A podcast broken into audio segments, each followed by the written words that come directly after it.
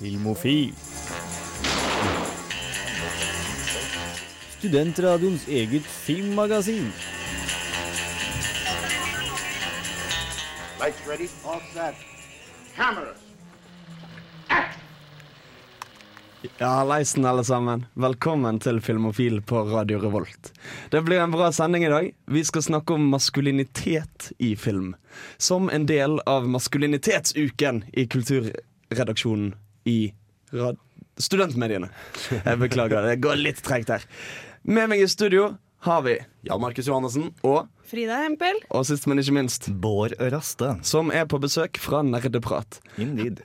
Henrik er vekke i dag. Vi skal prøve som best vi kan å klare oss uten han. Uh, vi får se hvordan det går, for Jan Markus skal styre teknikk, og jeg skal programlede, så dette kan bli en spennende sending. Anarki. Ikke sant? Vi skal også snakke litt om eh, Litt om eh, filmene Into the Woods og eh, Fast and Furious 7. Altfor mange av de. Men før vi kommer så langt, skal vi høre en sang. Vi skal høre en sang som heter Bokassa. Nei, bandet heter Bokassa, sangen heter No Control. Og dette er Filmofil på Radio Revolt.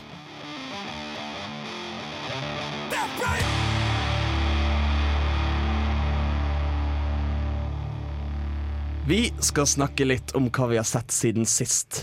Jan Markus Johannessen, hva har du sett siden sist? Jeg har, eh, som det som gjerne er tradisjonen i Filmofil, sett anbefalingen fra andre i showet, og jeg har da binget på hele Unbreakable Kimmy Schmidt. Fra ende til slutt på en helg. Og hva syns du? Ble det for adorkable for deg? Nei, det var, så, det var vakkert. Det var så uskyldig og morsomt, og veldig i samme ånden som 30 Rock. Ettersom det også er Tina Fey som har laget dette her. Ja, ja. Også i helt andre enden av eh, spekteret så så jeg også i går Enemy at the Gates på Netflix. Det er den der sniper-filmen. Ja, eh, med Jude Law og Ed Harris. Ja visst. Så ja. Jeg synes det, Den var grei. Det er en kul krigsfilm. Kanskje ikke liksom sånn the movie of our generation, men uh, den er verdt å se. Absolutt. Mm. Frida Sveen Hempel, hva har du sett siden sist? Jeg har lullet meg inn i barndomsminner og sett meg litt opp på Disney-filmer, faktisk. Ah. Så jeg har sett eh, 'Princess and the Frog' for første gang. Ja, er den bra? Jeg har ikke rukket å se den ennå. Den er faktisk mye mer sjarmerende enn jeg trodde, for det er en av de filmene som aldri har på en måte, slått an. Det er aldri noen som kommer bort til deg og sier sånn 'Den må du se'. Eh, men det er jo Disney sin film da hvor de går tilbake til 2D-animasjon. Yeah. Og så har de alt satt- er håndtegnet, ikke Jo, ja. Og de har liksom gjort veldig poenget ut av det at det skal være veldig likt sånn gamle 90-talls. Ja. Eh, men um, Og så er den satt i New Orleans på 20-tallet. sånn Det er en litt sånn rar greie hvorfor, hvorfor det er prinsesser og prinser inne i bildet. Fordi det er jo egentlig en sånn veldig jazzfilm som på en måte bygger på den der følelsen av New Orleans på 20-tallet. Og den er egentlig utrolig sjarmerende. Det er bare det at man venter seg en storfilm. Man forventer liksom uh, 'Ringeren i Notre-Dame', da. Eh, noe jeg alltid gjør med Disney. Så forventer jeg sånn 'Løvenes konge', 'Ringeren i Notre-Dame'. De der store, episke, større enn livet-filmene. Og dette her er en søt reisehistorie. Yeah. Litt sånn som både Frozen og uh, også Tangled, som jeg så i dag. Morges. Uh, er jo på en måte veldig små filmer om folk som jogger en tur, og så har de det litt hyggelig på den turen, og så blir man sånn åh, deilig. Hyggelig å se på. Så det er, det er fine filmer, men du bare Du må liksom koble ut og ikke Det er sånn fin film å se på en morgen, Ja. egentlig. Bård? Well, det er nå en eh, stund siden sist jeg var i Filmofil, så jeg har litt av hvert å velge mellom. Så den filmen jeg bestemmer meg for å bruke tida mi på å snakke om, er John Wick. En actionfilm av Keanu Reeves som Den er er så tøff. Den er så tøff. Det er den perfekte filmen for Keanu Reeves, fordi at han snakker ikke så særlig masse. De få gangene han faktisk skuespillerer, så skuespillerer han godt. Og han gjør så masse action. Det er så kul action, og det er så fantastisk verdensbygging om denne verden full av leiemordere og så masse ære og koder og alt mulig rart. Og jeg synes at moralen i historien er jo høfligere du er, jo bedre sjansene dine for å overleve. Overleve. Sjøl har jeg faktisk ikke sett noe så helst siden sist. Eller det, jeg har sett, uh, sett Into the Woods på kino, så den skal vi snakke litt om seinere. Før det skal vi snakke om uh, nyheter, ting som har skjedd i det siste. Og før det skal vi høre en sang som heter 'Jealousy' av Reggae Got Beats.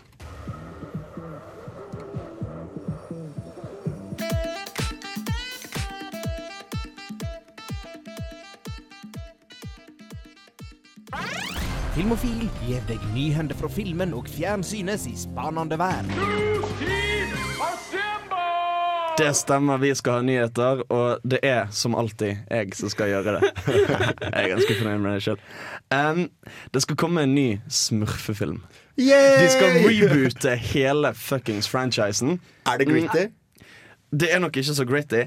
Men for det har jo, i, de, I de siste årene så har det jo vært disse skulle jeg si, dels live action, dels CGI-filmene eh, med smurfene som har gått på kino, og som sannsynligvis har vært dritt. Jeg har ikke sett de.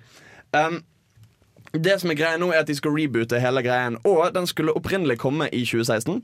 Den er utsatt til 2017 fordi, og jeg siterer de som lager filmen We don't want to compromise quality. OK. Nei. Wow. Så, så, så det, det selvinnsikt der, altså. De, de på en måte prøver å opprettholde kvaliteten på filmmarkedet. Og ikke kompromittere, den ved å bare holde filmen unna så lenge som mulig. Så man, de bygger en demning. De kan ikke stoppe det, men de bare prøver å holde unna så lenge de kan. Så den blir, den blir ikke bra. Den, jeg skal ikke se den. Uh, skal dere? Jeg merker at jeg ikke Jeg har liksom aldri trengt å se mer Se de der De ser jo faktisk helt jævlig ut, de CGI-versjonene. Skal de tilbake Det var det jeg lurte på. Skal de tilbake til 2D-animasjon? Nei, nei, nei, det blir Nei, ja, ok. CG. Mer av det samme. Ja, Uh, yes. Mm, det skal komme en uh, Lego Movie-spin-off til. Det skal komme ganske mange. Men det skal komme en som heter The Billion Brick Race. Det som er interessant, er hvem som skal regissere den. Det er ingen ringere enn Jason Segel. Eller Segel, eller hvordan det uttales. Som i måke. Som i S-E-G-E-L. Som i han som spiller han ene i How I Met Your Mother. Marshall. Nettopp. For de som har Ene? Wow! Wow, Hans. Han er jo det. Ja ja, men vi vet at det er Marshall. Han, har jo, han lagde jo uh, 'Forgetting Sarah Marshall'. Mm. Og han var med i Muppets The Movie. Og de har vært ganske solide. Ja. Ja, ja, Ja, ja, så, ja, så jeg tror vi kan stole på at det er gode hender, og han skal, han skal gjøre det sammen da med Drew Pears, som blant annet lagde Iron Man 3. Som jo var en bra film. Han skrev Iron Man 3. Det var Sean Black som tok og regisserte det. Glimrende presisert, Bård. så fint at vi har deg. Uh, men jeg, jeg har troen. Og uh, Phil Lord og Chris Miller skal fortsatt produsere filmen. Så de kommer til å ha en finger med i spillet, så å si. Men hva er eh, liksom handlingen? Million Brick Race? Aner ikke. Nei, okay. Jeg ser for meg det er litt sånn spin-off av det der Lego Racer-spillet på Nintendo 64. Oh, det var dritfett med de beste musikken. Og Ikke sant. Bård Restad, du hadde en artig nyhet, hadde du ikke? Ja, det er en nyhet som eh, ikke virker så særlig stor for dere andre her i studio før jeg nå skal forklare den, og det er at Steven Spielberg, kongen av Hollywood, skal ta og regissere adopsjon av boka Ready Player One. Dette er en eh, bok som er et kjærlighetsbrev til 80-talls popkultur. Det er satt i sånn 50 år frem i tid, hvor eh, verden har gått rett til helvete. Alle sammen er inne i en sånn cyberpunk, eh, MMORPG, virtual reality-verden. Hvor det viktigste i verden er 80-talls popkultur. Fordi at han som oppfant hele greia, har tatt og gjort sånn at den som finner tak i easter egget i spillet får arven hans, som er sånn uendelig masse penger og makt over eh, eh, Oasis, som er denne verden. Det som har vært folk sitt problem med denne filmadopsjonen, er at det blir brukt så masse name-dropping i den boka. Det er sånn for eksempel den bilen som en kjører, det er bilen fra Back to the Future som har stemmen til Kit, og den kan fly som ditten og datten. Det er, sånn, det er fem forskjellige referanser i den bilen som er der i ett avsnitt. Så det å få litt sansen til alt er veldig vanskelig. Ja, nettopp. Så, Ah, så nå som Steven Spielberg er om bord, så føles det faktisk veldig masse tryggere. For, fordi folk gjerne gir lisens til Steven Spielberg fordi, Fordi- at han er kul? Eller? Fordi tilbake i tida så var det en film som heter Who Framed Roger Rabbit. Det var det. Og det var en ting som var ganske stort med det, bortsett fra puppene til Jessica Rabbit. Og det var at for første gang så delte Snurresprett og Mickey Mouse skjerm, og Daffy Duck og Donald Duck skjerm. Det skjedde fordi at Steven Spielberg produserte filmen. Okay. Så han er mannen som får det til. Han er mannen som kan få det til. Kult. Vi har troen. Um, vi skal snakke litt om Into the Woods, filmen jeg har sett. Men før det skal vi høre en sang. Vi skal høre Blomst med låten som heter Men kjære deg, du brenner jo!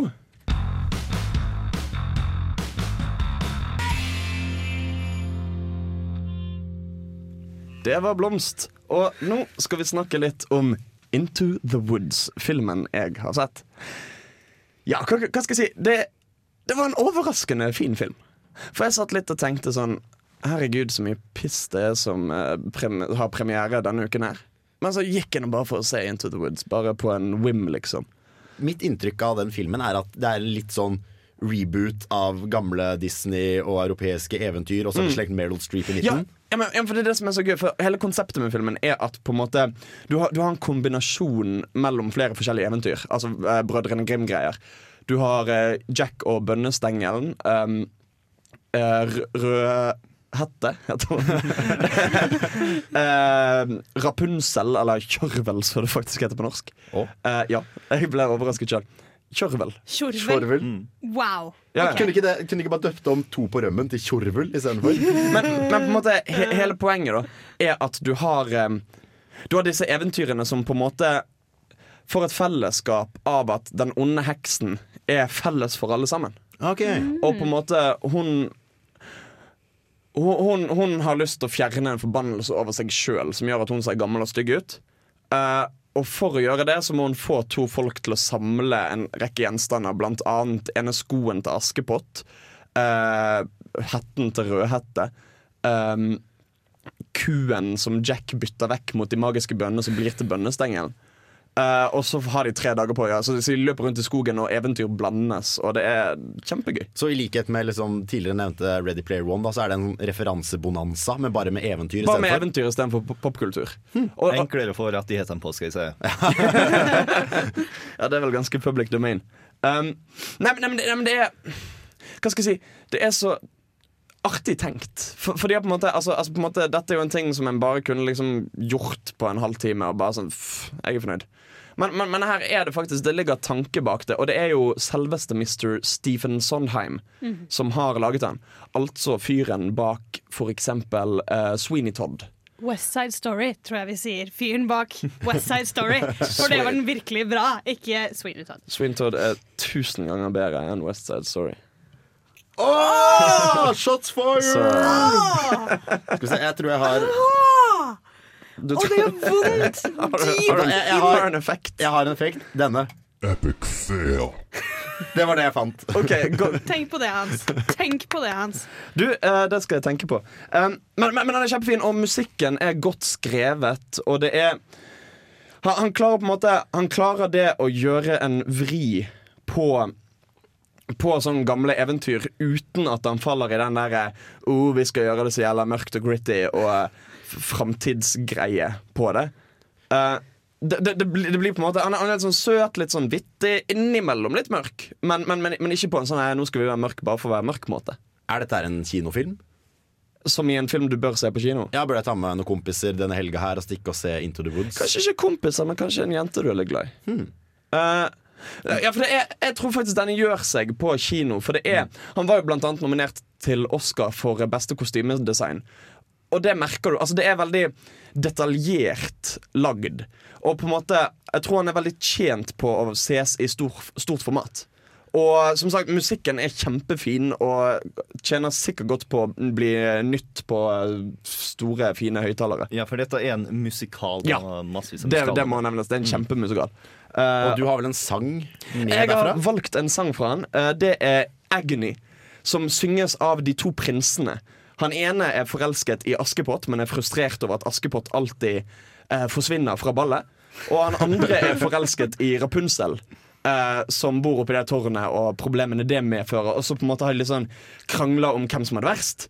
Og er litt sånn er litt sånn forskrekket for det sånn Hvordan i helvete kan noen ikke automatisk ville gifte seg med oss? Vi er jo prinser. Så på en måte Men det er en veldig fin sang. Det er litt sånn snakking først, og så blir det liksom satt litt inn i sammenhengen.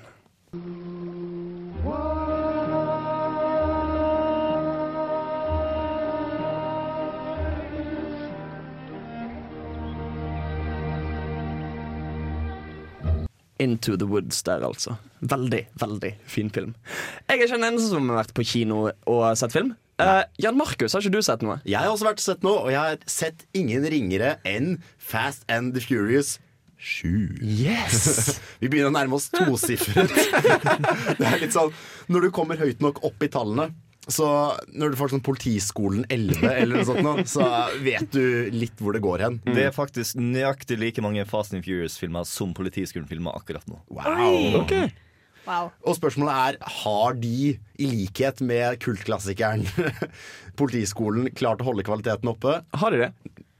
Vin Diesel gikk jo faktisk ut uh, nå nylig og sa at denne filmen kommer til å vinne Best Picture for, uh, i Oscar. Uh, altså neste kåring. Vin Diesel kjent for å være en mann med selvinnsikt, eller uh, Han virker som en hyggelig type. men- Jo da. Men Han er veldig flink til å promotere sine egne prosjekt. Det skal han ha. altså, altså, det er jo en gøy historie bak for eksempel, hvordan han fikk rollen som Groot i, um, i um. Guardians of the Galaxy. Stemmer. Um, hvor han bare gikk ut og sa Hei, alle sammen, fans. Eh, jeg skal være stemme til Groot i Guardians of the Galaxy. Før han overhodet hadde snakket med folkene. Og så pushet han på det så mye at de bare sånn Ja, nei, han får vel bli stemmen til Groot, da. Nå blir det bare public outcry stopper liksom. Men, men, men er, det, er filmen verdt å se i det hele tatt? Er det, er det gøy? Vinner den Best Picture? Nei, det gjør den ikke. Men Det er på Hva skal jeg si På et tidspunkt så Det startet jo Hele serien startet jo med street racing. Og nå har de skytedueller med internasjonale terrorceller. OK. Så liksom Det har gått fra liksom én gate i Jeg vet ikke hvilken by det er, men nå er det liksom sånn Nå hopper de rundt i hele verden. De er liksom Boom, nå er du i Midtøsten. Boom, nå er du i Amerika. Boom, nå er du i Kaukasus. For faen. Med biler. Med biler. Ja, ok. Og vel så det. Tror du filmen kunne vært tjent med å holde seg litt til den opprinnelige liksom, eh, modus du, operandi? jeg tror de har innsett at vi kan ikke være mindre eh, spektakulære enn den forrige filmen. Fordi nå spiller vi ikke lenger på plott. Plottet er revet ut av en uh, spansk såpeopera. Det er sånn sånn ah, ah, Etter forrige ulykke så mistet jeg hukommelsen, men jeg tror fortsatt jeg elsker deg. Og så, bare, pff, og så sprenger ting, og så bare ah, Du drepte broren min, jeg skal hevne han. Og det er, sånn, du ser nesten at folk snakker spansk, og det er sånn undertitler, og praten går dritfort. Men uh, Så plottet er ikke liksom hovedsalgspoenget her. Men det var det vel ingen som forventet. Nei. Og Eh. ap apropos det med ekstremt sånn over the top-scener, scener, så vil jeg bare at jeg har tatt med et klipp fra yeah. denne filmen. um, og har prøvd å ikke spoile altfor mye. Nei. Um, sagt, det er ikke så mye å spoile heller. Så la oss bare høre på dette klippet her, og så prøver dere å gjette dere til hva det er som skjer. Yeah. All right, let's get to work.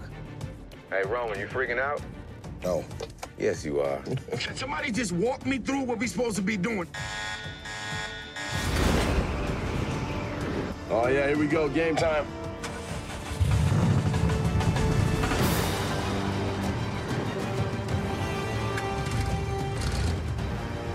Roman, you praying, aren't you? $50 says he's praying right now. I get, you need some fresh air? Because you're about to get a whole lot of it. Okay, here we go.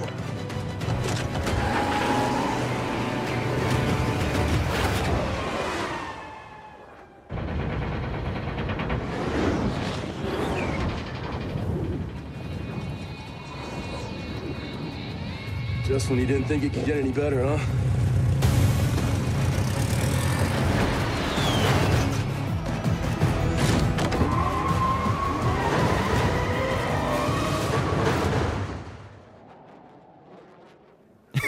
Ok, Førstemann til å prøve å gjette hva skjer her. Frida. De slipper en bil fra noe. Fra et fly. Og ikke bare én. Hele teamet i forskjellige biler hopper ut av et fly, lander på en vei i Kaukasus og begynner å jakte ned en internasjonal terrorist i sånn tidenes skytebilscene gjennom skogen, oppå fjell, og det er klipper. Mange klipper. Både historisk og billedlig, bokstavelig talt. Men, men, men har de på en måte Har de blitt helter nå? Eh, altså, altså gjeng, de der streetcar-gjengen.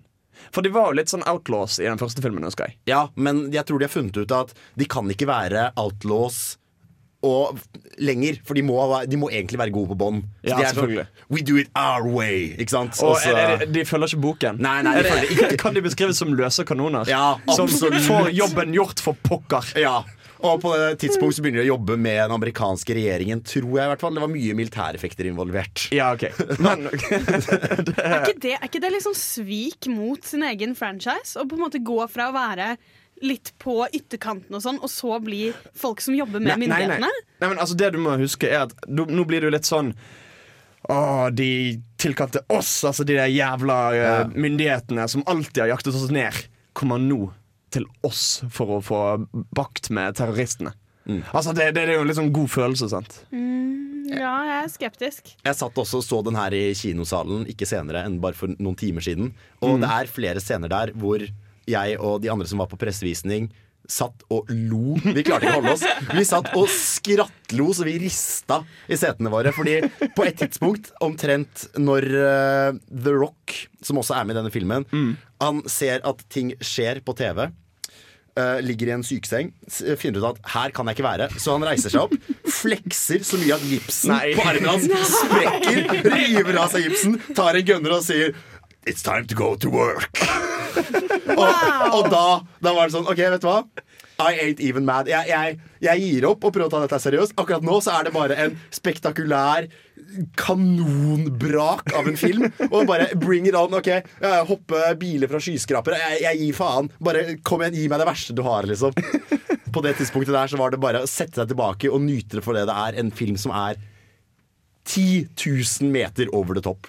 Dette ble en veldig fin bro, for vi skal snakke mer om nettopp maskulinitet og manndom. Eh, det skal snart være temabiten av sendingen, men før vi kommer så langt, skal vi høre et band som heter Warp Riders, med en låt som heter A Tea Party With Demons.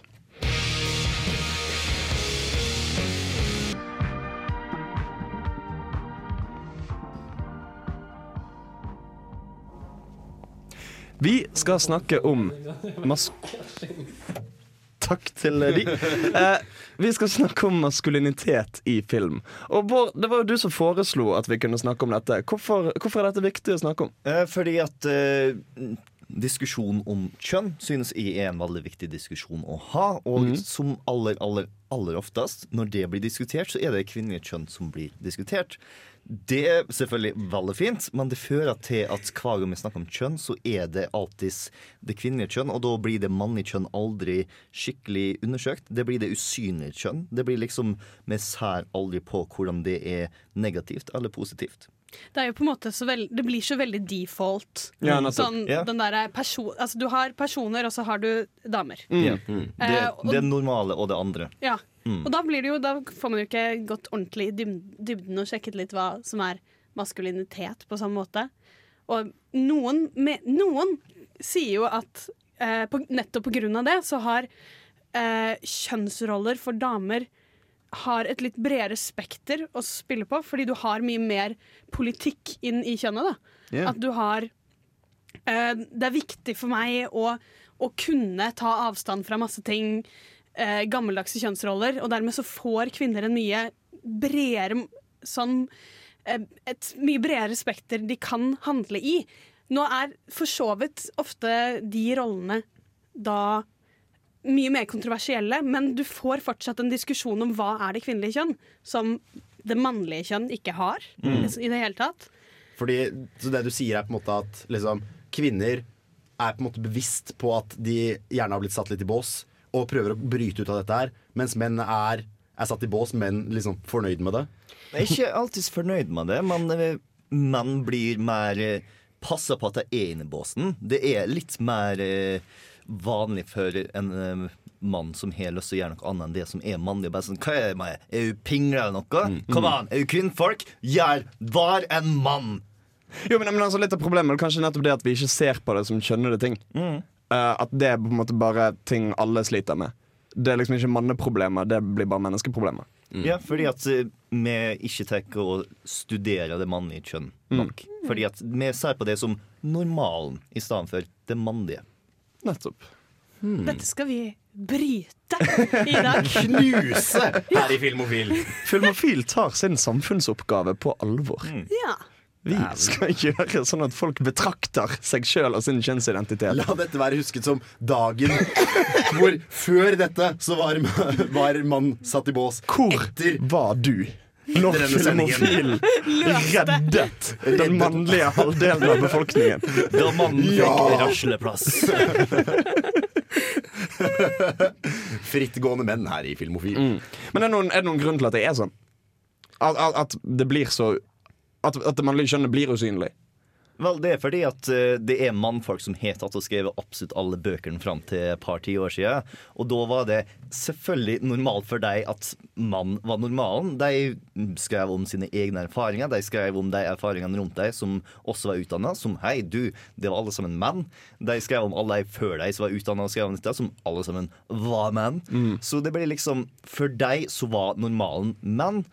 Og vi har nå beveget oss inn i et nytt, eh, en ny sivilisasjon, en ny æra, hvor vi er mer. Hvor vi er ikke bare menn og kvinner, men vi er personer. Hvor vi er masse, masse mer og har lyst til å utfolde oss forbi det kulturelle grensene som har blitt satt opp for oss. Jeg tenker sånn med en gang på filmen Billy Elliot, for eksempel. Mm. Med han, eh, hvor faren vil han skal bli bokser, og han vil bli ballettdanser. Uten at det liksom har noe med Ja, det er bare det at han er ikke mannen nok da i på en måte det samfunnet. Mm. Det kommer jo også fra Storbritannia, hvis ikke jeg husker feil. Det kom vel faktisk fra faren hans, er vel gruvearbeider under Thatcher. Ja, så det er jo et der- veldig, der veldig maskulint uh, miljø Ja, rundt lille stakkars Billy som bare vil danse. Stakkars Jeg Billy. liker det tonefallet. Han vil bare danse. Ja, det er litt som Ferdinand som bare vil lukte på blommene. Det er jo det samme. En mann som vil sitte og gjøre eh, dameting. Jeg vet ikke om dameting er å lukte på Altså gjøre sin egen ting i stedet for det som blir forventa av en. Ja. Ikke, vil ikke slåss. Stakkars, stakkars, stakkars Ferdinand. Men, det synes, men, men for den filmen er jo fin nettopp fordi at han tar opp det uh, Rundt det at det er et problem at han danser ballett som gutt, og på en måte ikke for eksempel Det hadde vært veldig lett for de å si sånn Ja, og så er han homo òg. For, for, for da blir det på en måte sånn Vi skal oh, ja, bare men det er jo derfor, selvfølgelig. Det er jo derfor. Mens her er det liksom bare det at han er en gutt som har lyst til å danse. Mm. Og Er ikke en sånn veldig søt scene på slutten når faren ser han eller et eller annet sånt? Jo, det er veldig, veldig rørende. Og så gråter faren en mandig tåre. Oh. Tror jeg, jeg tror, eller kanskje jeg skrev det om selv inni hodet mitt. Men det passet så bra at vi kan bare si at det skjedde. Har du drømt igjen nå, Frida? Det har jeg nok. Mandige tårer er de beste. Bare sånn helt stoisk ansikt, og så én som renner ned langs kinnet. Um, vi skal snakke mer om dette, men men vi skal høre en låt i mellomtiden. Vi skal høre Speedy Ortiz med 'Racing The Skate'. Du hører på Filmofil på Radio Revolt.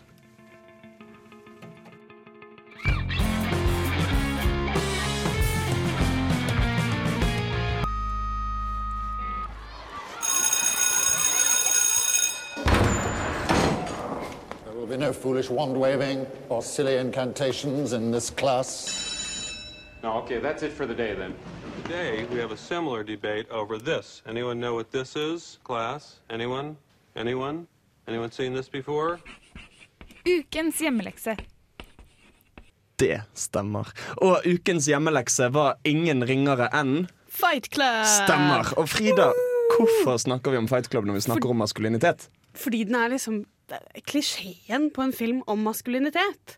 Og det er, det er jo faktisk en film som sier ganske rett ut når vi skal vi snakke om menn sin rolle, og hvordan menn forholder seg til sitt eget kjønn. Noe, som Bård sa, få filmer gjør, da. Mm. Og den har fått veldig ord, for, ord på seg for å være en sånn Wow, her tar vi opp hva menn er! De vil bare slåss i garasjer! Wee! Ja, At liksom menn har gått bort fra det opprinnelige jeg og blitt uh, for opptatt av interiør og sånne ting. På tide å ta mannekjønn tilbake og denge hverandre i trynet. Ja, det er mange. Jeg tror mange liksom føler at det er en film som setter veldig ord på hva det mannlige kjønnet er. Men altså, OK. Jeg føler at Fight Club er en veldig misforstått film. Mm. Nettopp fordi at det at den avbilder det mannsidealet Det er ikke meningen at det skal være i et positivt lys. På, altså, Tyler Durden skal er ikke en forherliget person.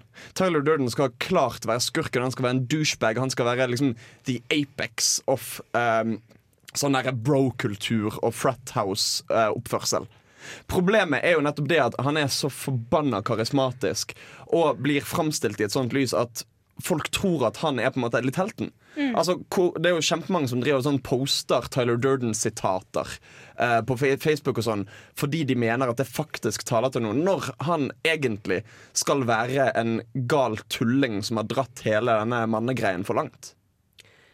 Ja, eh, det er jo litt kritikk man kanskje skal rette til eh, David Fincher.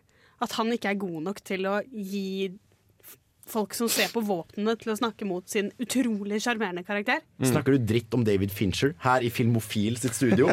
Ja, jo, men akkurat fordi nø- nøyaktig han blir så veldig veldig forherliget. Ja. Så du ender opp med å gå ut og være sånn Yeah, slåss i en bakgate. Det vil jeg jo. Jeg er ganske enig fordi at uh, det filmen ender opp med å gi, er to forskjellige versjoner av manndom som ikke er appellerende. Du har den eh, Ikea-modellgreia som eh, er fortapt i konsumerverden, som eh, Tyler Durden snakker imot, og det er vanskelig å si seg uenig i det han sa der.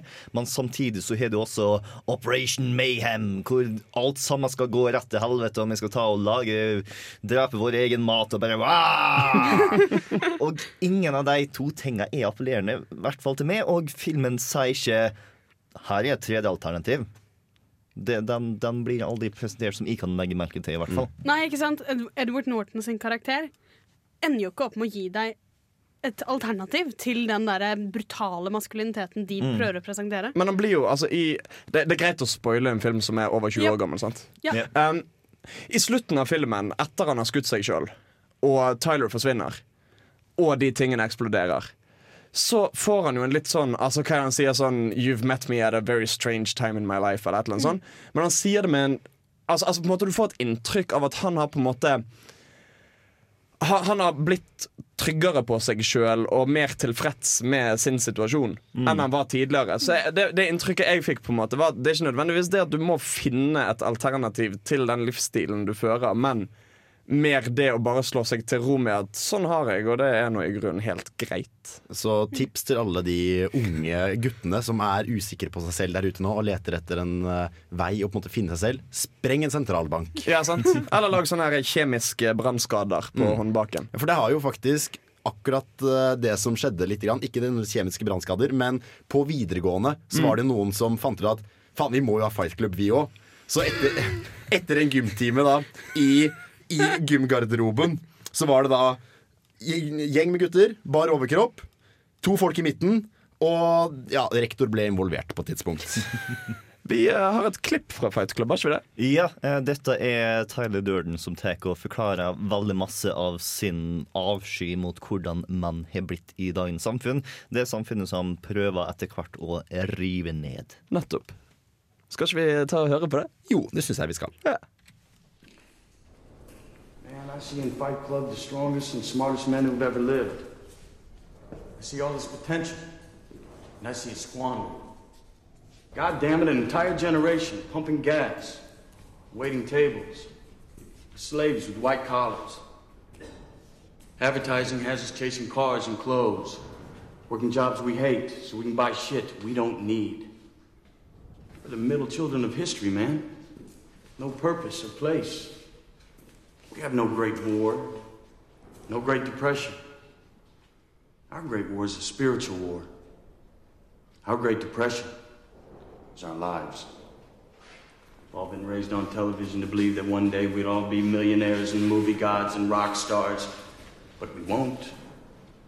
We're slowly learning that fact. And we're very, very pissed off.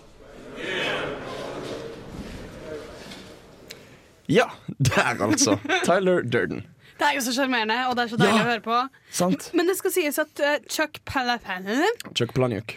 Takk. uh, som skrev boka. Mm. Han har jo likt filmen veldig godt, nettopp fordi den sluttet med uh, litt sånn vekt på kjærlighetshistorien. Noe han syntes var det viktige, sånn det eneste litt reelle forholdet i boka. Mhm. Så han eh, har jo på en måte ja, jeg føler han, han er litt misforstått hva han prøvde å behandle. For han er ikke sånn 'se her, dette er menn'. Det er veldig, dette her er menn sin forståelse av menn. Ja. Nei, men fordi uh, Chuck Palahniuk er jo òg en veldig misforstått forfatter. For mange av bøkene hans handler om veldig dystre og drøye ting. Altså, helt, for, altså det er for eksempel, Han har skrevet en hel bok om en modell som, skyt, som får skutt av halve ansiktet sitt. Og som reiser rundt for å finne broren som hun trodde døde av aids, men som egentlig har skiftet kjønn. Og eh, fresher husene til folk og stjeler narkotikaen deres og alt mulig sånn. Og Eh, men, men poenget er at de har egentlig ganske varme og fine budskap. Det er stort sett koselige ting som ligger til grunn, men i en veldig brutal innpakning. Eh, og jeg tror på en måte litt av det skjedde med Fight Club-filmen òg. Mm. Vi skal snakke mer om eh, maskulinitet. Vi skal snakke om det originale mannsidealet. Men før vi kommer så langt, skal vi høre en låt. Vi skal høre Beachheads med sangen Get Away.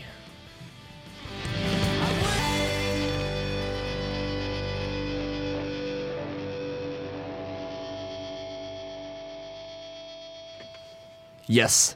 Vi skal snakke om det originale, eller opprinnelige, om du vil, mannsidealet. Frida, hva mener vi med det, egentlig? James Bond mener vi med det. Åh, Egentlig.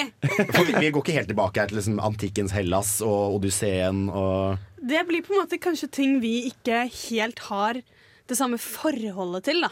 altså presset for å alltid jage gnu. Er det på en måte litt det vi skal ta et oppgjør med? Fra liksom savannetiden. Ja, sant? Ja. Jeg har ikke lyst til å klubbe mammut i dag. Jeg vil, jeg vil lage hulemaleri. Nei, men hva, hva mener vi med det? Hva, hvorfor skal vi snakke om James Bond? Altså, ja, den James Bond, og hvis vi tar på sånn Rocky, Arnold Schwarzenegger, det derre barske, egentlig. Det hører vel litt sammen med det våre foreldre lærte da vi da de var små. Ja. Blir jo på en måte litt sånn usynlige ting vi får med oss da vi var små. Litt sånn alle konflikter kan løses med en gunner.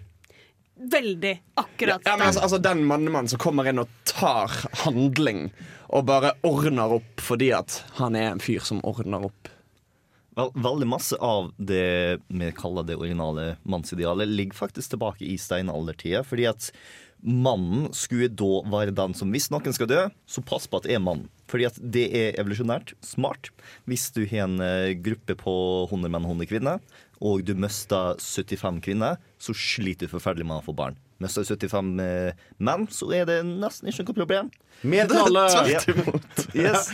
Så det fører til at menn har blitt eh, opplært til at eh, de skal ta og sette seg sjøl i fare, Mm. og at det er beundringsverdig. Det å lide og fremdeles fullføre, det er mandig. Det å Mm. ta og eh, reise ut og utforske det ukjente og kanskje gå ut for en klippi, det er wow, gud, du har så masse hår på brystet. Men hvordan Så så ser vi mye igjen fra det i filmer som James Bond og, og de vi på en måte ser på som den gamle stereotypiske mannemannen. Men du sier gjerne for eksempel eh, Indiana Jones. Det Harrison Ford er dritflink til, er å bli slått i trynet. Jesus Christ, Han er så flink. Han bare blir slått og reiser seg allikevel. Og gode oh. gud, så mandig det er! Fy faen. Så det er mer mandig å bli slått i ansiktet og så reise seg, enn å, enn å være så god til å slåss at du ikke blir slått i ansiktet. Det er jo det Det hører til Men Arnold Schwarzenegger blir ikke slått i ansiktet. Nei, men Rocky, det er jo det hele serien handler om. Det handler jo om hvor mye du kan ta og keep moving forward. How much you can take? Hvor kjøttdeig kan ansiktet hennes bli før, eh, før han får nok? Men du har også veldig masse den alfamale-greia, spesielt i James Bond, som tar uh, Take charge, du tar og tar de kvinnfolka du har lyst på, og uh, er litt drittsekk, men du er drittsekken som vinner. Litt drittsekk! De er jo så rapey at man blir jo helt man blir jo helt sånn Hvordan kan dette her være OK? Altså, ja. Jeg er jo veldig skeptisk til eh, den typen evolusjonspsykologi som ender opp med sånn. Så derfor er 50-tallets kjønnsroller helt OK. Det er sånn evolusjonen ville vi skulle være. 50-tallet hadde løst det. Alt annet er dritt. Og det, og det, er jo, det er jo betenkelig at de folkene som forsker på dette, og kon konkluderer sånn, ofte er menn. Som liksom Vet du, Vi har forsket på det og kommet fram til at kvinner bør være på kjøkkenet. Evolusjonsbasert forskning viser det. Og de burde gi oss mer ryggmassasje. Sant? Jesus. Uh, ja, men, ja, men det, ja, men det er jo som, sånn, for eksempel hvite raseforskere som kommer frem til Hei, den hvite rasen er best. Hvem skulle trodd? Helt tilfeldig, sånn, dette Dette er ikke biased i det hele tatt. Mm, heldigvis da, så finnes det jo filmer som tar litt sånn oppgjør med denne maskuliniteten og denne mandigheten som vises på film. Vi skal snakke om filmer som dekonstruerer eh, mannsrollen og mannsidealet. Før det skal vi høre en låt. Vi skal høre Death Grips, som er et band, som har en låt som heter On GP.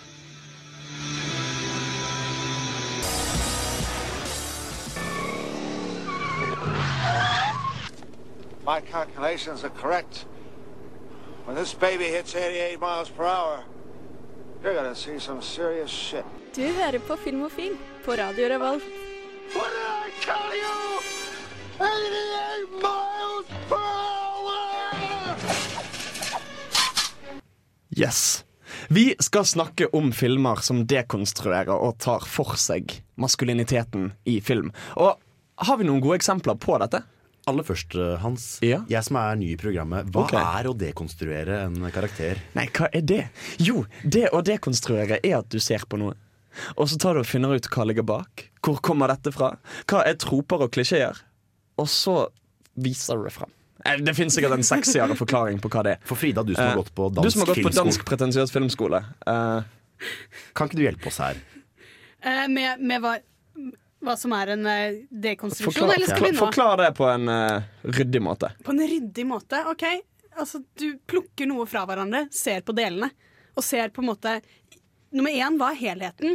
Hva er det helheten består av? Mm. Det er jo det omvendte av å konstruere noe. Altså åpenbart. For du nevnte jo litt før den sendingen at det er det som har skjedd med James Bond i de siste årene. Ja! Den nye James Bond er ikke den gamle James Bond. Han, Mm. han Hans trekk ses på som litt mer problematiske. Yeah. Altså, Den nåværende James Bond er alkoholisert Mm. og er tydelig ganske traumatisert. Han, det skjer jo litt med drøye ting. Man, man mishandlet ikke ballene til gamle James Bond. Nei. Det gjør man nå.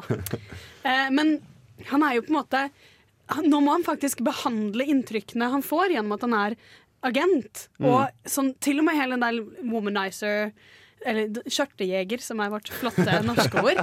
Eh, hele det er jo også litt mer problematisert, spesielt med hun eh, Eva Green fra Mm. Casino Royale. Eh, Vesper Lynn. Vesper Lynn, Ja. som han faktisk likte. Ja. Og t mistet. Og Oi sann, nå spoiler jeg. Ja, men, jeg, men, jeg men altså Det at på en måte når hun dør, så er ikke det en sånn casual sånn Ja ja, det, hun var nå bare fitte på bein. men hun var en dame som betydde noe for han. Mm. Som er veldig liksom ny ting for James Bond. Hun var en dame han var villig til å slutte å være double O-agent for. Ikke sant? Og, og det på en måte bruker man nå For nå mener man at den karakteren James Bond har vært, kan ikke være uten en grunn. da Mm. Så her så har de gitt han en historie at grunnen til at han er så rapey, det er fordi han faktisk fortsatt sørger over denne yeah. Wesper Lind.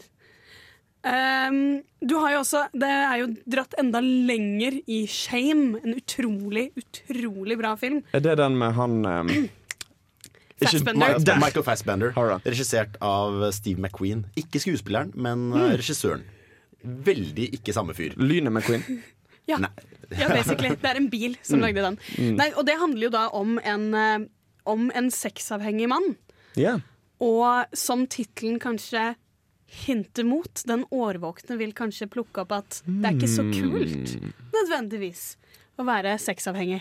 Ja, for det er jo veldig sett på liksom Alle bare Å, han får seg noe, fy faen, han har vunnet livet, liksom. Mm. Han puler jo hele tida. Men her er det på en måte tatt og plukket fra hverandre. Og bare sånn, ja, men bare fordi du pøker 24-7, betyr ikke at du har det jævlig bra. Og det er så veldig forståelse man har av den typen karakter. Den er jo altså Det er veldig mye mindre forherligelse av den mandige Mm. Uber-alfamannen på den måten var før. Nå har man mye mer det sånn Nei, det er mye vondere å være den personen. Det er plutselig blitt en veldig stakkarslig ting. Utenom Barney Stinsen, da. Utenom Barney Stinsen, Nei, faktisk ikke! Nei! Utenom Barney Stinsen. Han tar de jo også etter hvert litt fra hverandre. De lar han være mer sånn som han er, men de pirker jo mye borti han, og du merker jo at de har holdningen at det er ikke kult å være barnet hele tiden. Mm. Ja. Det samme gjør de også med eh, en, en annen film som jeg bare mener vi må virkelig nevne, som er Observe and Report. Eh, Den er gøy. En veldig lite kjent Seth Rogan-film, der hvor han spiller en um, kjøpesenterpolitimann. Mm. Som ser Vakt, ikke politimann. Ja, ja. Politimann er det han er lyst til å bli. Men han består ikke den psykiske testen, kan du si. Nei. Og eh, altså, det handler jo bare om hvordan han ser på seg selv som en av disse maskuline übermennene som skal redde dagen og finne en blotter, er det vel, han Mm. jakter på. Ja. Og hvordan, jo hele filmen, det, De er så innforstått med at for å se på seg selv på den måten, så må du være ødelagt. Jeg vil også ta og anbefale folk å sjekke ut filmen The Full Mounty, eller I blanke messingen, som det er på norsk, som handler om eh, som sju-åtte menn som har nødt til å ta og strippe for å ta og tjene penger, fordi at de ser andre mannlige strippere gjøre det, så bare så Hvorfor kan vi ikke vi gjøre det? Fordi vi er ikke sexy? Pizzaen. Og den filmen er veldig flink til at hver enkelt mann viser hvordan noen har problemer med maskuliniteten sin. Eksempel, én har problem med å være far til sønnen som bor med mora. Én har problem med å være mann i en gammel alder. Én har problem med å være en mann som ikke har, kan være forsørger lenger, osv. Absolutt verdt å sjekke ut. Vi skal snakke om ukens filmlåt. Men før vi kommer så langt, skal vi høre en låt som ikke ble valgt av oss, men som sikkert er veldig fin. Vi skal høre Walter TV med Surf Metal.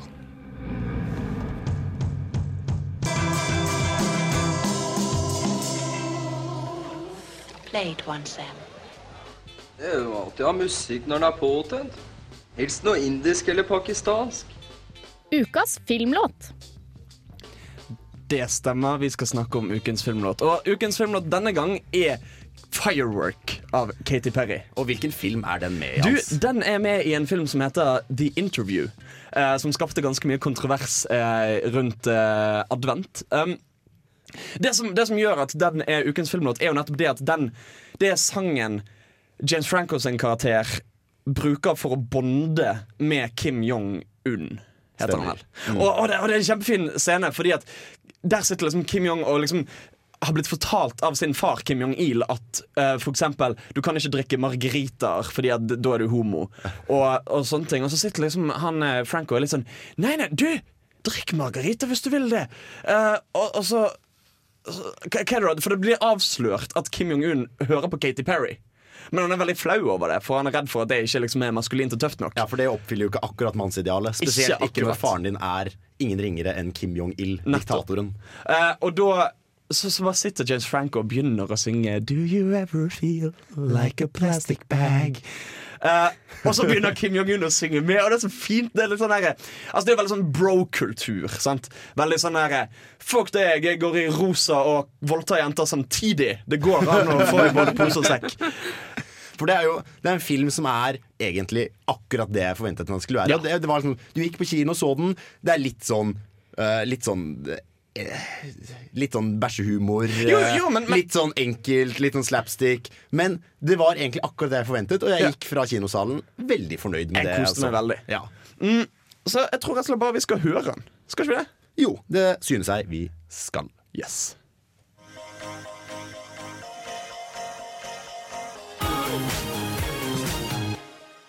Åh, min favorittscene i hele The Interview er når de cruiser gjennom skogen i en tanks, og denne blastes på spikerne.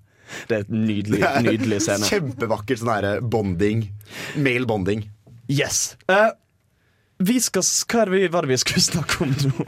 Det er eh, min lille, mitt lille favorittstikk i denne sendingen. Det er da maskulinitet i forskjellige aldre. Nettopp. For hva vil det si å være eh, det maskuline idealet i, som liten gutt, som tenåring Mm. og som voksen mann?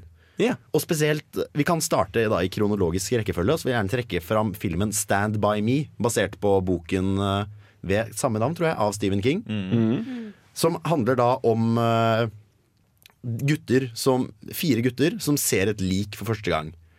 Og det handler veldig mye om deres samspill med hva, hvordan står de opp for hverandre, hvordan beskytter gutter på liksom Jeg vet ikke hvor gamle de er, rundt ti? Noe sånt nå? For du har sett den du òg, Bård? har du ikke det? Nei, jeg bare nikka for å være deltakende i samtalen.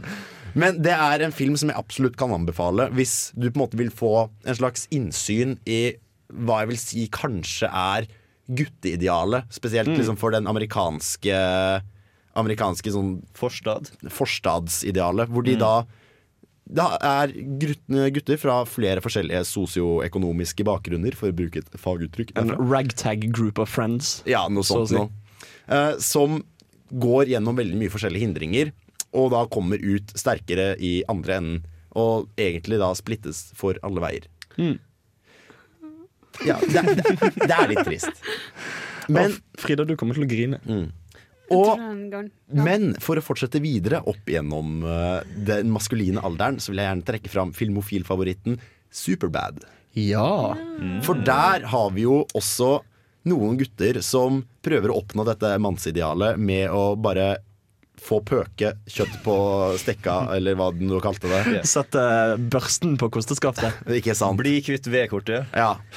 Og der Frida, du synker sammen i Jeg bare likte veldig godt Mm. språket deres nå. Ja. Mm. Sjøsette Titanic. Sank ikke den? Dårlig metafor. Dårlig metafor. Men der har du også på en måte mannsidealet med på en måte bli kvitt jomfrudommen før de kommer på college og er da på en måte innpulte allerede når de har altså kommet ut av sommerferien og inn på college. Og der er det også veldig mye sånn stereotypiske oppfatninger om hva en tenåringsgutt skal være. Fordi tenåringsgutter tenker jo ekstremt mye på sex og fokuserer veldig mye på det.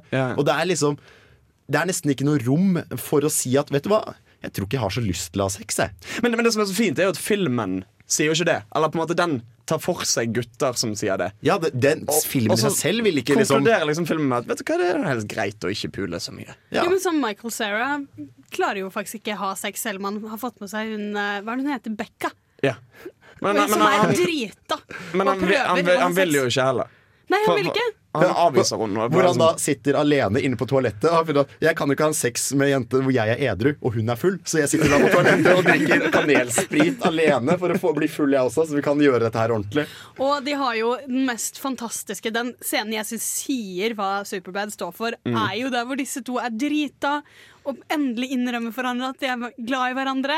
I dette, de har prøvd å ha så veldig sånn maskulint gutteforhold Nå, nå tenker du på uh, Michael Cera og Seth- han derre Jonah Hill. Jonah, Jonah Hill. Hill. Ja. På slutten, de har vært på fest, de Når er de begge ligger i den der, eh, drita. Og så blir de sånn derre Men, jeg- men jeg, shit ass, man! Ja. Jeg er faktisk glad i deg! Og jeg er glad i deg, og hvorfor sier vi ikke dette hver dag? Det er bare så Jeg har bare hyggelig. lyst til å løpe, løpe opp i andre etasje og skrike ut til omverdenen at I love you, man! I love him! Og disse stakkars guttene som sliter med å prøve å være tøffe og skulle synes at det er greit å flytte fra hverandre, men nei. De har en mørkere side. I tillegg til å være en ekstremt morsom film, så konkluderer den liksom med at vet du hva, bare chill. Det, her, det, Mm. det går greit liksom å være ikke nødvendigvis den perfekte tenåringsgutten til enhver tid. Ja. Mm. Vakker film. Og Nydelig. Helt til slutt så vil jeg da trekke fram Swingers. Er det noen som har sett den? Nei. Med Vince Vaughn, som uh, drar med seg en eller annen annen skuespiller som jeg ikke husker navnet på, til Vegas. For han har nettopp blitt dumpa. Det handler også veldig om det å liksom finne en dame, pøke og på en måte vinne tilbake selvtilliten og maskuliniteten ved da å hooke. Og det er der uttrykket 'you're so fucking money and you don't even know it' You're so fucking Money. Du, du har ikke hørt det? Jeg har ikke hørt det. det er, da skal vi kjøre det etterpå i, eh, i lå, mens vi hører på låt. Det skal vi. Uh, den låten er av en fyr som heter Young. Og heter Nobody Cares. Og den kan du kose deg med. Imens kan du gå og like oss på Facebook, eller like Radio Revolt på Facebook. Uansett, her får Nobody Cares.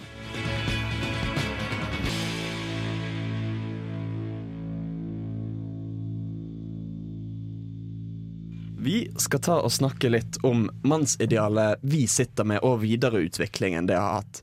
Hvordan, hvordan ser mannen ut i dag? Og hvor er han på vei? Og hvor kom han fra? Det har vi vel Det etablert. vet Det vi, det vet vi dessverre. Mm.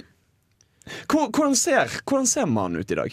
Jeg ser for meg Akkurat i dag så er vi vel på vei inn, som vi har nevnt tidligere, på en litt mer nyansert mann. Du kan ikke liksom være Hi, Miss Moneypenny, jetpack Og bare drikke og pule og skyte. For du må på en måte ha en, nå må du ha en grunn til det. Sånn, ja, jeg var barnehjemsbarn og mista foreldrene mine, og yeah. jeg har en vond fortid. Derfor drukner jeg mine sorger og puler og sånne ting. Men, du men da er dette med den myke mannen, da. Den Ah. diplomatiske mannen. Ja, sant? Altså Mannen som bruker ord heller enn knyttnever for å løse problemer. For du så jo en film Hva het den? eh, Den med snøskredet og sånn. Eh, turist. Den handlet jo veldig mye om det, gjorde det ikke? Ja, altså um, al Altså Den tar jo for seg det at de er på en sånn resort eh, i Alpene. Og så sitter de med en restaurant, og så kommer det en svær sånn snøras som ser ut som det skal treffe dem. Eh, det går helt fint, men det som skjer da, er at han ditcher familien sin. Uh, underveis i det snøraset, og da blir på en måte Hvorfor ble ikke han og forsvarte de? Hvorfor tenkte han på seg sjøl? Altså, Du kan ta og kalle en mann som tenker å løse problemene sine, Maor for en myk mann. Men en av de som jeg virkelig liker, som løser problemene sine med ord, er karakteren til Christopher Waltz i Tarantino-filmene. Og du kan Mm. egentlig ikke kalle det Oberst Lamba for en myk mann, til tross for at han med Ja, eneste en- unntak klarer å løse alt kun med ord. Du kan jo være en myk mann uten å være en god mann. Absolutt. Litt, altså, litt problemet har vel vært at mens myk mann er et uttrykk man har, så sier man jo da altså, Da er det jo ikke en mann, da er det jo en myk mann. Ja, at, du, på en måte, at vi går mot et sted der hvor det å være myk mann ikke er å være mindre mandig. At det, Mm. på en måte, det, er litt, det er litt bredere hva det vil si å være mann. Du har mye mer sånn variasjoner rundt den gamle, det gamle mannsidealet. Sånn måter å være, løpe rundt og være pimp på. Ja, nettopp. Altså James Franco i uh, The Interview, Ja. som vi nevnte tidligere, er jo absolutt en myk mann. Men de stiller jo ikke spørsmålstegn ved om han klarer å være douche allikevel. Nei. For det klarer han. Ja, ja. Men altså, altså jeg, jeg tar meg jo å tenke i at er det al al Altså, selv om idealet forandrer seg, så er det jo fortsatt et ideal. Altså, det er jo fortsatt en føring på hvordan noen skal være. Al altså, altså fins det, finnes det, finnes det bra idealer? Når ideal i seg sjøl betyr at du har en måte du skal være på. Men selvfølgelig så finnes det bra idealer. Det, det er litt derfor vi har idealene. At vi skal ha et Om ikke gudebilde, men i hvert fall et mål vi skal ta og gå etter. Og noe å strebe etter. Sånn, hvis du liksom lurer på hvordan skal jeg løse ting, så se på idealet. Sånn skal du løse ting. What would Jesus do? Og det er liksom litt derfor vi har faktisk en historiefortelling som mennesker. Fordi at vi hørte historier om jegerne som var ute og tok og gjorde sitt, og hvordan de løste oppgavene. Så når vi vokste opp og ble jegere sjøl, så tok vi og emulerte de heltene vi har fra da vi var liten. Men man kan jo stille seg veldig gjerne spørsmål om eh, man skal ha et ideale med kjønn i det hele tatt. Yeah. At vi kommer til å gå bort Eller mange kan i hvert fall håpe at vi går bort fra å, å ha ting så bundet opp i kjønn. Fordi de idealene vi trenger, kommer nok ikke til å være kjønnsbundet. At det blir mer, hva skal jeg si, sånn Folk. Tver, ja, Ja. tverrkjønnslige verdier som gjelder. da Modighet, mm. kløkt, alt mulig sånne generelle, universelle, gode egenskaper, egentlig. At, At du ikke prøver å være den beste mannen eller beste kvinnen, men den Nei, beste nettopp. personen du kan være. Det var Wow, dere, nå løste vi dette Fy, fy faen, Det der kunne du hatt på Tumblr, og det mener jeg. ikke være en god mann, ikke være en god kvinne, være et godt menneske. Fy faen. Wow. Vi Det, er- jeg, jeg, Det, det, er så, det er så nydelig. Jeg, Helt på gråten. herregud. Eh, jeg, jeg tror du skal sitte der hjemme og tenke over det, ta det innover deg. Mens du gjør det, skal vi høre en låt. Vi skal høre Chastity Belt med låten Joke. Og du hører på Filmofil på Radio Revolt.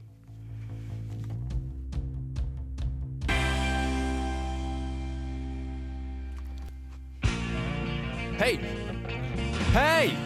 Det er ikke 90s sitcom-flashback. Ta Skru på noe annet. Ja, bedre, men prøv igjen. Der, ja! Ahem. Filmofil presenterer ukas serie. Det stemmer. Vi, vi skal snakke om Sons of Anarchy. Som er Det er vel bare jeg som har sett den av oss. Ja. Ja. Men jeg har hørt om den. Du har hørt om den. Det er Jeg liker å si at det er TV-serienes Metallica. Det er på en måte Altså, det er rått og brutalt og akkurat passelig. Akkurat passelig Røft. Ja, det er akkurat passelig liksom dypt, vil jeg nesten si. Altså, De tar opp litt sånn store tema, men det som gjør at jeg føler det er en relevant TV-serie for denne sendingen, er jo nettopp det at det er veldig, veldig sånn klar um, forherligelse av det å være den barske, handlekraftige alfahannen. Altså, for du har jo, Hele greien er jo basert på uh, folk som er med i en sånn her bikerklubb. Uh, en kriminell sådan. Og, og den er jo drevet som en gjeng, nærmest. Uh, hvor du har liksom sjefen og et lite sånn styre rundt den, og de øvrige medlemmene. Og det er på en måte altså, det, det er flere sånne monologer der. Sånn What it means to be a man. Og, og, og det er på en måte det er alltid mennene som må rydde opp, og som må ta handling, og det er så tydelig sterkt ideal. Men i en veldig sånn Satt i en veldig brutal og litt sånn gjengkriminalisert kontekst. Ja, for jeg tenker meg Når livet ditt ofte står på linja, så blir det kanskje enda mer ytterliggående. Liksom hvor mann og tøff og Du skal ikke være sterk bare for deg selv, men du skal også være sterk for gjengen. Mm. Fordi hvis du viser svakhet, så viser du svakhet på vegne av alle andre gutta. Nettopp. Og, og det, det, er jo, det er jo kvinner med i serien òg. Men de ligger jo alltid med noen av karene. Det er jo derfor de er der. Mm. De er alltid koner eller old ladies, som er liksom slangen de har i klubben. Um, men, men, men, men, men, men for da skjer det jo på en måte at for eksempel han hovedpersonen gifter seg. Og hun har jo på en måte et liv, hun òg. Men det blir jo selvfølgelig til at hele livet hennes Og hun, hun har jo en skulle si, statusyrke òg. Hun, hun er lege, hun er kirurg. Eh, men likevel begynner hele livet hennes å dreie seg rundt han og klubben. Fordi det er jo det som er viktig. Er, er det noe liksom, serien sier at Se, nå går ting til helvete, eller er det sånn det er sånn det er fordi det er sånn det burde være? Både òg. Altså Hun er ikke alltid så fornøyd med det, og de prøver på en måte Altså, altså De gjør det hvor de på en måte de, de tar opp en problemstilling, men det får ikke det blir, det, blir ikke, det blir ikke framstilt i et sånt lys. Altså, altså for, for eksempel, du har um, Så dere The Amazing Spiderman 2? Yep. Nei. Der skjedde jo det at hun um, Gwen. Gwen, Gwen Stacy. Stefani, skulle jeg si. Gwen Stacy hun, hun blir med Spiderman i liksom klimakset, og så dør hun. Eh, Spoiler. Spoiler alert, forresten. Eh, poenget at Før det så gjør han en sånn stereotype sånn Nei, du må bli ha-ha, boff, jeg skyter sånn spindelvev på deg så du ikke kan gå. Og så går han for å redde dagen. Og så kommer hun likevel. Men hun dør, og da blir det litt sånn Um, Du skulle holdt deg på du kjøkkenet. skulle holdt deg på kjøkkenet. Det at du, du døde fordi at du var så dum og tok initiativ. Og det blir litt det samme i Sons of Anarchy, at disse damene eh, De gjør på en måte ting på egen hånd, men de blir alltid straffet for det. Det får alltid konsekvenser for dem, og det blir liksom ikke Det blir, det blir ikke på en måte ek- det, det blir ikke sånn skikkelig sånn you go girl-moment, fordi at serien straffer dem for det hele tiden. Så det er eh, Det er en helt OK serie. Eh, Den fins. Da vet han, han, han finnes, han eksisterer. Hvis du har en treig søndags, for all del, se han, men ikke forvent deg noe Breaking Bad. Uh, vi skal snart si takk og farvel. Før det får du Faith No More med Superhero.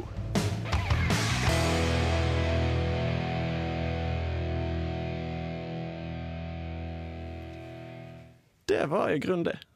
Vi har snakket om maskulinitet. Vi har snakket litt om um, filmene Fast and the Furious 7 og Into the Woods. Um, Bård Restad, hvis jeg har lyst å høre mer om maskulinitet, hva ville du anbefalt meg å gjøre da? Vel, som sagt så er dette et lite samarbeidsprosjekt med det andre kulturprogrammet på Radio Revolt. Så både Bokbarn og Nerdeprat har tatt og snakka om maskulinitet, da respektivt i litteratur og spill. Du finner det både på radiorevolt.no og på iTunes. Stemmer.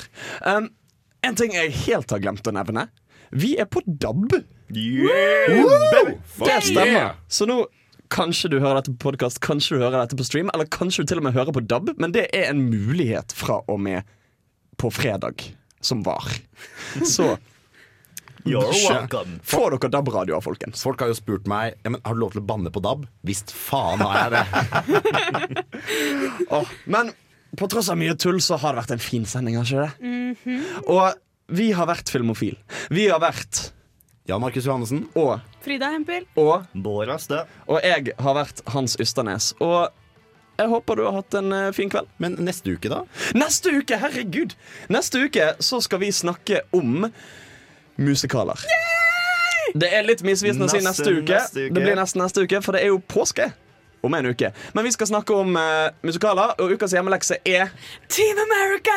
Fuck yeah! Fuck yeah! Det blir gøy. Vi snakkes da. Ha det bra.